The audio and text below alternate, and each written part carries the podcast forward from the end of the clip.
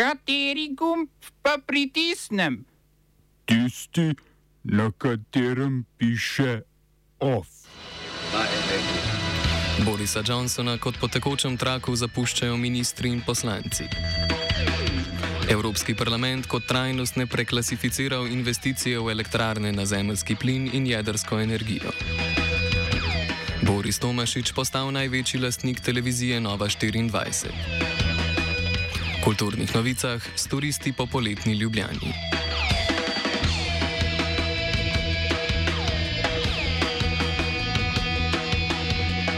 Premijer Združenega kraljestva Boris Johnson je izgubil zaupanje ministrov in poslancev vladajoče torijske stranke. Odstopili so finančni minister Rishi Sunak in sekretar na njegovem ministrstvu John Glenn, zdravstveni minister Sajid Javid in minister za otroke in družine Will Quince ter minister za šolstvo Robin Walker. Poleg tega je odstopilo več sekretarjev na ministrstvih, prav tako sta podporo Johnsonu odrekla torijska poslanca Lee Anderson in Robert Halfon. Odstopom za zdaj še ni videti konca, zato smo jih v današnjem informativnem programu nekaj izpustili. Vsi kot razlog navajajo izgubo zaupanja v Johnsona zaradi različnih škandalov. Afero s prirejanjem zabav na Downing Streetu v času popolne ustavitve javnega življenja zaradi epidemije je Johnson preživel in tedaj Torici niso večinsko podprli nezaupnice proti njemu. Kaplja čez rob je bil včerajšnji intervju s premijejem na BBC-ju, v katerem je priznal, da je vedel za obtožbe o spolnem nadlegovanju Krisa Pinčerja, ki ga je Johnson februarja imenoval za vršilca dolžnosti tako imenovanega glavnega biča, ki v parlamentu skrbi za enotno glasovanje poslancev vladajoče stranke. Well, what I can tell you is that uh, if I look at the background of this and why I regret it so much, is that uh, about three years ago, Uh, there was a complaint made against uh, Chris Pincher in the Foreign Office. Uh, the complaint was was uh, cleared up. He apologised. Uh, it was raised with me. in orally, there was a. I was I was briefed on what had had happened, mm-hmm. and you know, if, if I had my time again, I would think back on it and recognise that he wasn't going to learn any okay. lesson. He and he wasn't going to to change. Johnson se danes zagovarja pred parlamentom, prav tako pa obstaja možnost ponovnega glasovanja o nezaupnici znotraj torijske stranke. Ker je pred mesecem dni že prestal glasovanje o nezaupnici, bi moral Johnson po trenutnih pravilih stranke imeti leto dni miru. Vendar se opozicija znotraj stranke zauzema za spremembo tega pravila.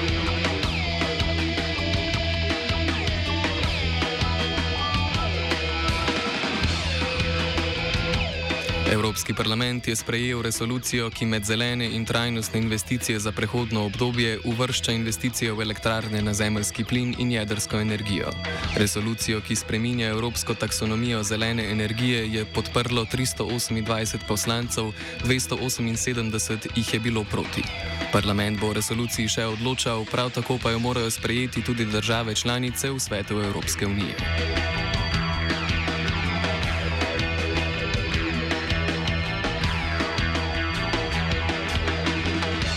Evropski poslanci so bili bolj enotni pri glasovanju o vstopu Hrvaške v evroobmočje. 539 evropskih poslancev je podprlo poročilo, ki ugotavlja, da Hrvaška izpolnjuje kriterije in bo lahko s 1. januarjem naslednjega leta prevzela evro. V Evropskem parlamentu so podprli tudi dogovor komisije z državami članicami, po katerem bodo ribiči prejeli kompenzacijo Evropske unije za izpad dohodka, ki mu je botrovala vojna v Ukrajini. Iz Evropskega pomorskega in ribiškega sklada bodo ribiči lahko prejeli do 75 odstotkov sredstev za izgubljeni dohodek in dodatne stroške od začetka ruske invazije v Ukrajini.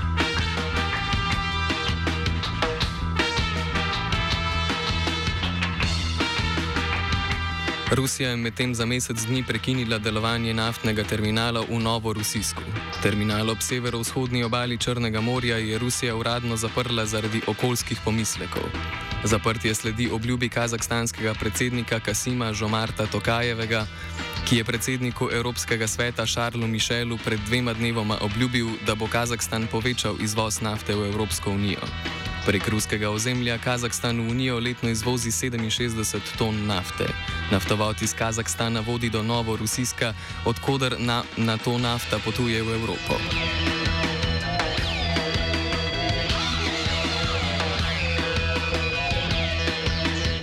Guverner ukrajinskega Donetska Pavlo Kirilenko je pozval 350 tisoč prebivalcev Donetska naj zapustijo mesto, saj je ruska ofenziva neizogibna. Ruska vojska namreč trdi, da ima poln nadzor nad regijo Lugansk, potem ko je zauzela mesto Lisičansk. Boji se nadaljujejo v krajih okoli Lisičanska, ruska, vo, rus, ruska vojska skuša prodreti proti jugozahodu.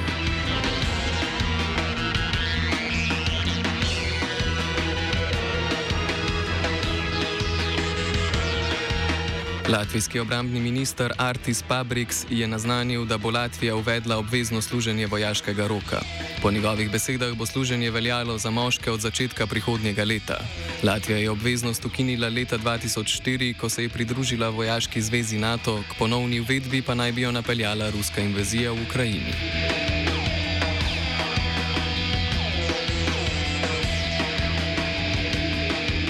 Četrti dan protestov proti evropskim načrtom makedonske vlade je v Skopju privedel do obračuna med protestniki in policijo. Policija je pridržala več protestnikov, po trditvah policije pa je bilo poškodovanih 47 policistov.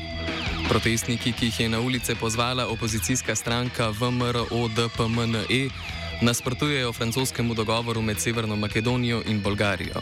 Po njem bi morala Makedonija priznati bolgarsko manjšino v državi, obenem pa bi Bolgarija ohranila pravico blokirati članstvo Severne Makedonije v Evropski uniji. Protestniki so napovedali nadaljevanje protestov. Makedonski premijer Dimitar Kovačevski je dolgo trdil, da je francoski predlog za Makedonijo nesprejemljiv. Včeraj pa je predsedniku Evropskega sveta Šarlu Mišelu dejal, da je Severna Makedonija lahko preživi zadnji predlog. Bolgarski parlament je dogovor že potrdil, makedonski pa še ne. Smo se osamosvojili, nismo se pa osvobodili. Naslednje število je še 500 projektov. Izpiljene modele, kako so se strani nekdanje LDS prav rotirali. Ko to dvoje zmešamo v pravilno zmes, dobimo zgodbo o uspehu. Takemu političnemu razvoju se reče udar. Jaz to vem, da je nezakonito, ampak kaj nam pa ostane? Brutalni obračun s politično korupcijo. To je Slovenija, tukaj je naša zemlja, to je Slovenija, Slovenija, Slovenija. Po poročanju portala Necenzurirano je Boris Tomašič postal novi največji lastnik televizije Nova 24. Na Ministrstvu za kulturo so potrdili, da so izdali soglasje k zamenjavi lastništva 45 odstotkov delnic strankarske televizije Slovenske demokratske stranke. Lastništvo je Tomašič med drugim programski direktor televizije prevzel od mađarskih poslovnežev Petra Šaca, Agnes Adamik Ad in Adama Gaborja Nemeta, ki so povezani z mađarskim premijejem Viktorjem. Orbanom. Že konec maja je Peter Šat svoj delež v družbi Nova, v družbi Nova obzorja, ki izdaja demok tednik Demokracija, prodal televiziji Nova 24.